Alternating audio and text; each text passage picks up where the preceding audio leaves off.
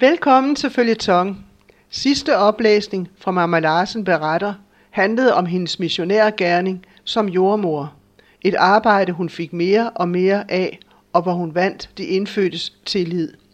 Hun ydede stor hjælp midt ind i også forfærdelige forhold. For eksempel overtroen omkring tvillinger, at den ene skal dø. Gamle, syge og udsatte oplevede, at de var noget værd og fik et fristed på missionsstationen. Fødeklinikker blev bygget og blev et asyl for mange fødende kvinder. Og nu starter oplæsningen.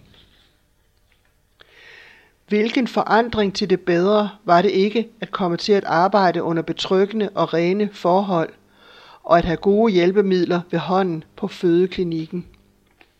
Men det udvidede arbejde, det gjorde også, at der skulle uddannes afrikanske hjælpere. Men disse enker eller koner, eller hvem vi nu kunne få fat på, var et vanskeligt og ustabilt materiale at arbejde med. Der krævedes en uhyre og vågenhed, tålmodighed og kærlighed til sagen.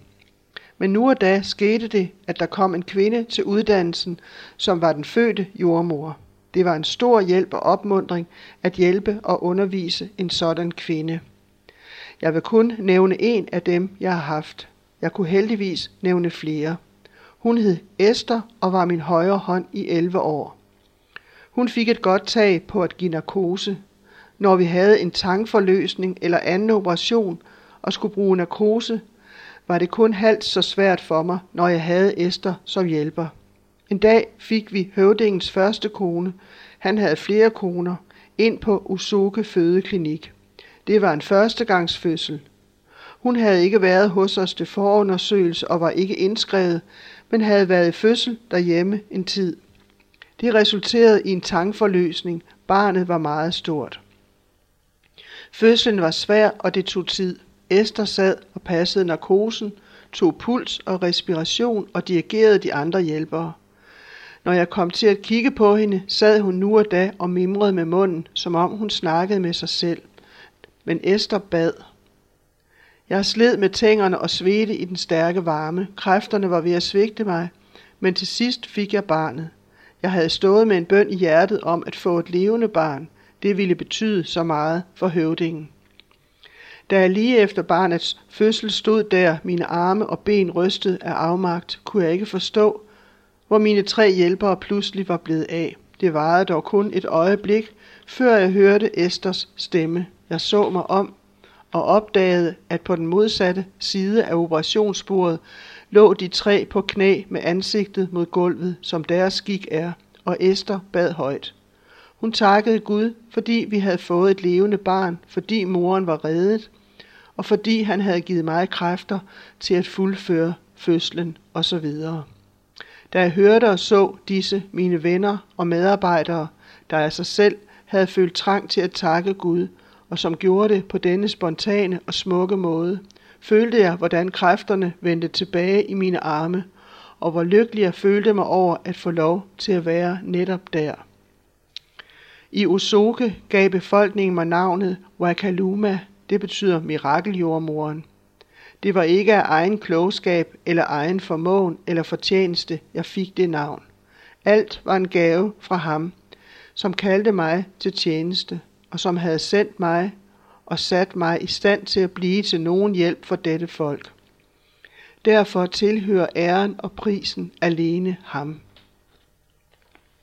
Så kommer der et nyt kapitel med overskriften Væveriet oprettes. Bring jeres læmer som et levende, helligt, Gud velbehageligt offer. Romerbrevet kapitel 12. Er Jesus Kristus blevet herre i vort liv, og har han fået lov til at bruge os, som han vil, så går det ikke altid af de slagende landeveje, men nu og da til steder, man aldrig havde tænkt eller drømt om at komme. Det var under 2. verdenskrig. Jeg var stationeret i Usoke. Det ene år gik, og det andet kom. Og da krigen ikke hørte op, blev det sværere og sværere at få det nødvendige udstyr til hospital og fødeklinik fornyet. Hvad der kunne købes af tæpper og tøj, var af dårlig kvalitet og til lige meget dyrt. Især gik det ud over fødeklinikken, hvor tæpperne blev kogt efter hver patient. Når de havde været kogt en halv snes gange, var der ikke meget at tæppe tilbage. Det gik mig, som det er gået så mange andre, at vi måtte prøve at improvisere og lave ting af de materialer, vi havde ved hånden. Jeg spekulerede og funderede på, om jeg da ikke selv kunne lave tæpper og andet linned til hjemmebrug i klinikken. Rygter om torpederede britiske handelsskibe, der var på vej til Afrika med forsyninger, satte fart i foretagendet med selvforsyning, og lysten til at være med til at vinde krigen gav det styrke. Jeg var i et land, hvor bomulden kunne vokse. Skulle jeg så ikke være i stand til at forarbejde det og væve tøj af det? Det gamle ord siger jo, nød lærer nøgen kvinde at spinde. Jeg kunne ikke få ideen ud af hovedet og drømte om det om natten. Jeg så i drømme min gamle mors væv, så hende sidde ved den store gammeldags væv og væve. Jeg så vævens konstruktion og sammensætning. Det hele kom så klart frem for mit indre øje, at jeg kunne tegne væven og det hele. Tankerne gik tilbage til min barndom. Ofte havde jeg om morgenen, inden jeg gik i skole, måtte hjælpe til med at spole garn til vævningen. Men vævet havde jeg dog ikke prøvet selv, kun hjulpet mor med at sætte garnet på væven og med at knytte knuder. Jeg fik fat i bomuldsfrø og plantede et stykke jord til med det. Men det viste sig, at mange mennesker på Usoka-egen havde en eller to bomuldsbuske bag deres huse. Og de gav meget mere bomuld, end de selv havde brug for til syning. Den første væv bliver lavet. Jeg købte planker og brædder og fik en afrikansk sneker til at hjælpe med at lave væven. Det gik dog ikke så let, som jeg havde tænkt.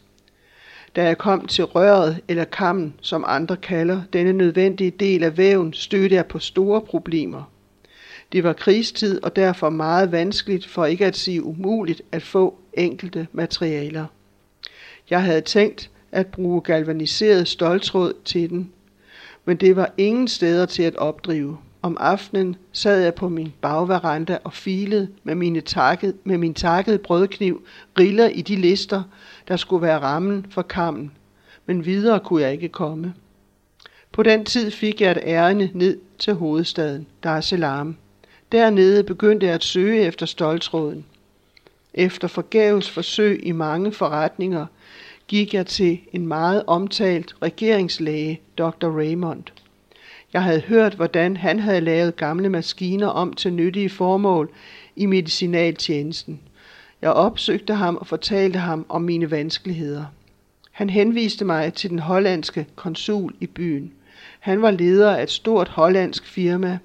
For uden et introduktionsbrev, som jeg fik med til ham, ringede Dr. Raymond ham op.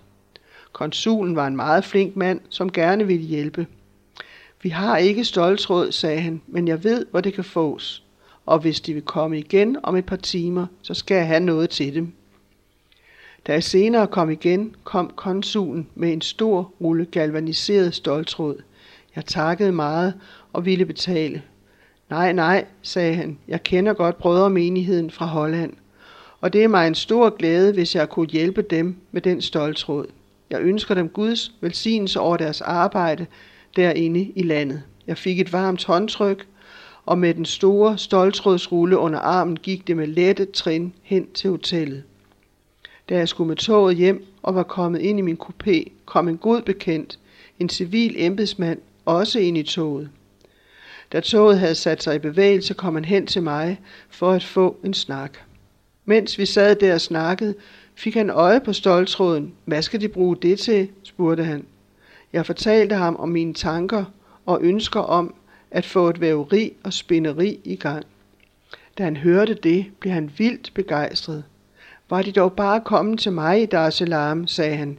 Jeg har vævemodeller fra Indien og andre steder, og de står blot og samler støv på loftet, fordi jeg ikke har fundet en eneste, der har haft brug for den. Men sig mig nu, hvorvidt de er kommet, hvad de gerne vil have, og hvordan jeg kan hjælpe dem.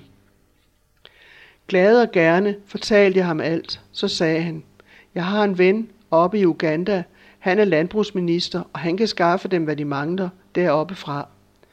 Jeg bemærkede, at han noterede et eller andet i sin lommebog, og da toget holdt ved næste station, skyndte han sig hen til stationsbygningen, hvorfra han sendte et telegram. Da han kom tilbage, sagde han, nu har jeg sendt et telegram til min ven i Uganda. Hvis de gerne vil have, så skal han nok få fat i det til dem. Og regeringen går til mig, det må de love mig. Og regningen går til mig, det må de love mig. Det var lige den rette, jeg havde truffet. Denne britiske embedsmand blev min ven og hjælper også senere. Han kom selv og boede hos mig i flere dage, da væveriet var kommet i gang. Der som du tror, du er slået ud, så er du det. Der som du tænker, du tør ikke, så tør du ikke. Der som du gerne vil vinde, men tænker du ikke kan, er det næsten helt sikkert, at du ikke vil det. Nu var de værste vanskeligheder overstået. Jeg fik senere et par store kasser fra Uganda med rokke og andre væveredskaber. En indisk kvinde fra Kashmir lærte mig at spinde på Gandhi-rokken, og så lærte jeg det videre til mine afrikanske hjælpere. Fødeklinikken får nyt udseende. Da den første primitive væv var kommet i brug, begyndte snekerne at arbejde på den næste forbedrede udgave med fire fodtrin. Jeg lærte store drenge og ældre mænd, som var for gamle til at følge med i skoven efter vild honning, at spinde. Her kunne de tjene en skilling og dog være hjemme. Der var yngre folk, både mænd og kvinder, der lærte at væve. På den måde gik der ikke så lang tid, før vi kunne udskifte de gamle pjalter på fødeklinikken og i stedet redde senge med dejlige tykke bomuldstæpper. På samme måde blev både pudevor og babysengene fornyet. Det ufattelige for folk var, at, der, at det var lavet i usoke. Når væveren skulle have et stykke tøj af væven, lod han gå bud til byen for, at folk kunne komme og se det, og de kom, både unge og gamle. Væveren selv tog i den yderste ende af tøjet, der sad på bommen, og efterhånden som meter efter meter af tøj rulledes op for deres øjne, var der ingen ende på deres jubel og håndklap. Se, se, det er lavet i vores by. Det er lige så fint, som var det kommet fra Europa. Og væveren fik mange beundrende blikke fra dem. Jeg havde fået fat i en vævebog, hvorfra jeg supplerede min viden og selv prøvede mig frem.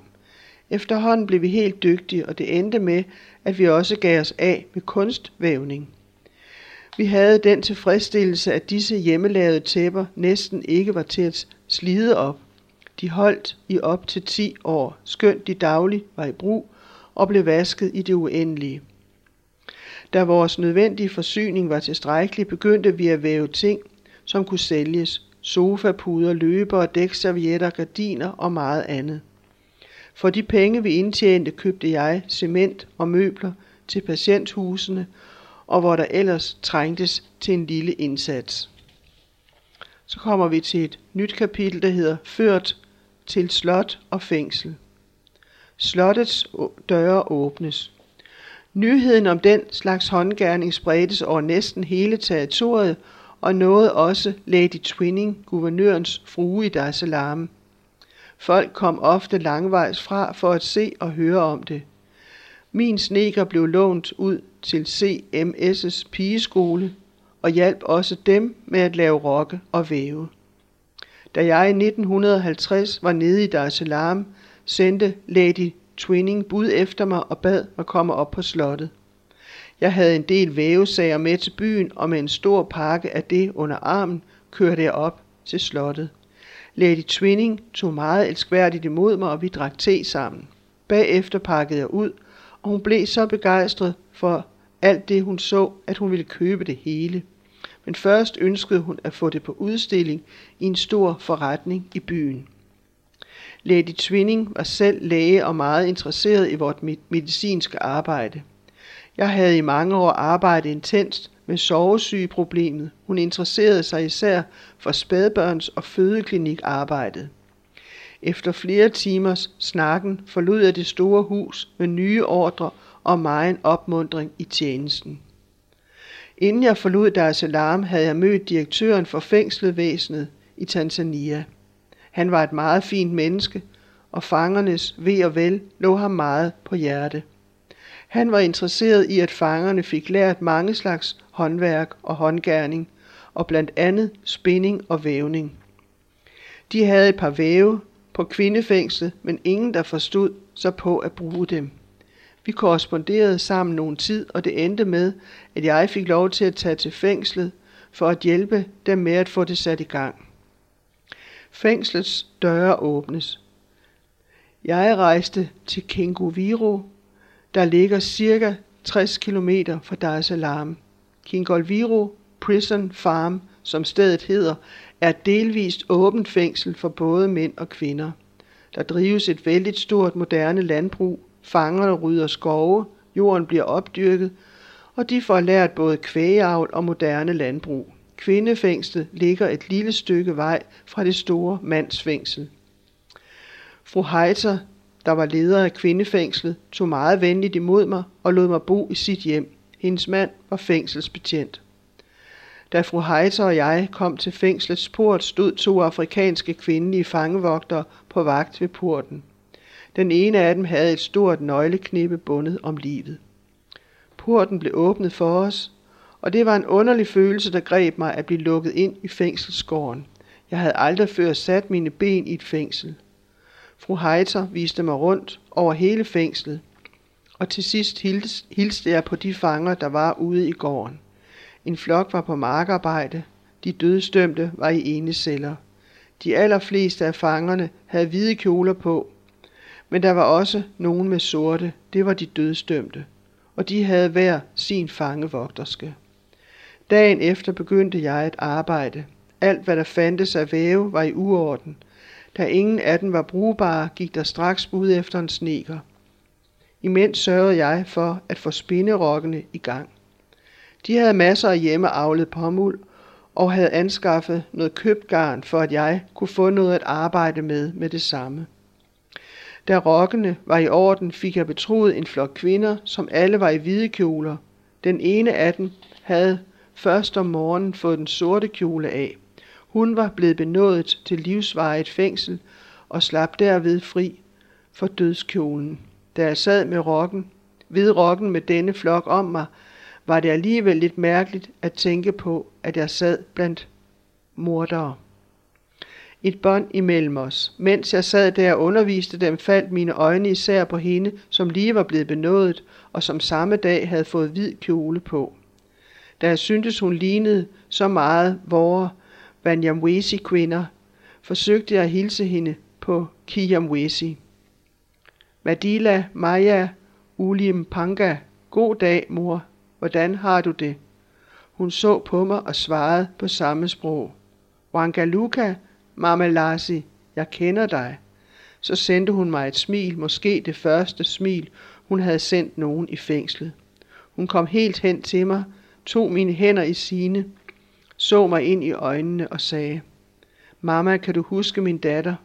Hun bor i Kakuni, en af vores udstationer fra Usoke. Hun blev bragt ind til dig på fødeklinikken, da hun ikke kunne føde sit barn. Mamma, kan du huske, du arbejdede med hende hele natten, og, og kan du huske, at hun fødte en dreng, og at han var levende? Kan du huske, kan du huske, sådan blev hun ved. Hun havde selv været med sin datter inde på fødeklinikken, og der var gået flere år, så jeg kunne ikke så nøje huske hende, men hun blev ved. Næste gang min datter skulle føde, kom hun også til dig, men denne gang gik det hurtigt.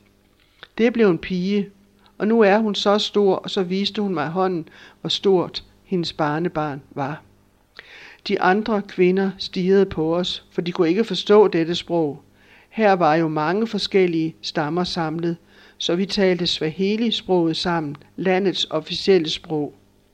Jeg spurgte, jeg spurgte fru Heiter om, hvad denne Munyamwesi kvinde havde bedrevet, siden hun var blevet dødstømt. Hun havde dræbt et barn, men i retsforhandlingerne var det kommet frem, at sagen var blevet ført af en troldmand, og derfor var dødsdommen nu blevet omstødt.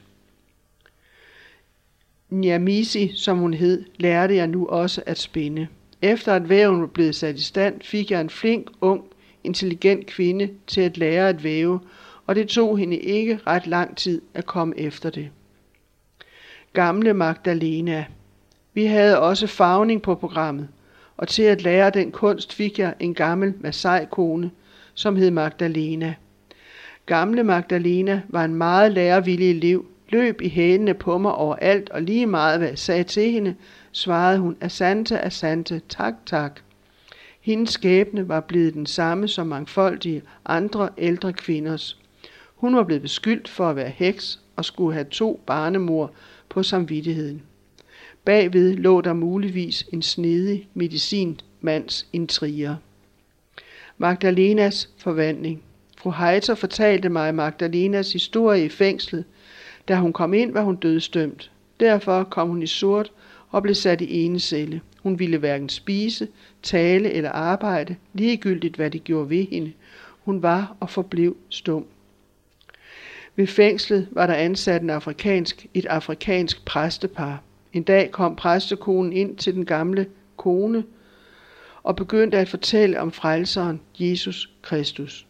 Præstekonen blev ved at komme til hende, og over for hendes venlighed og udholdenhed gav den gamle kone op.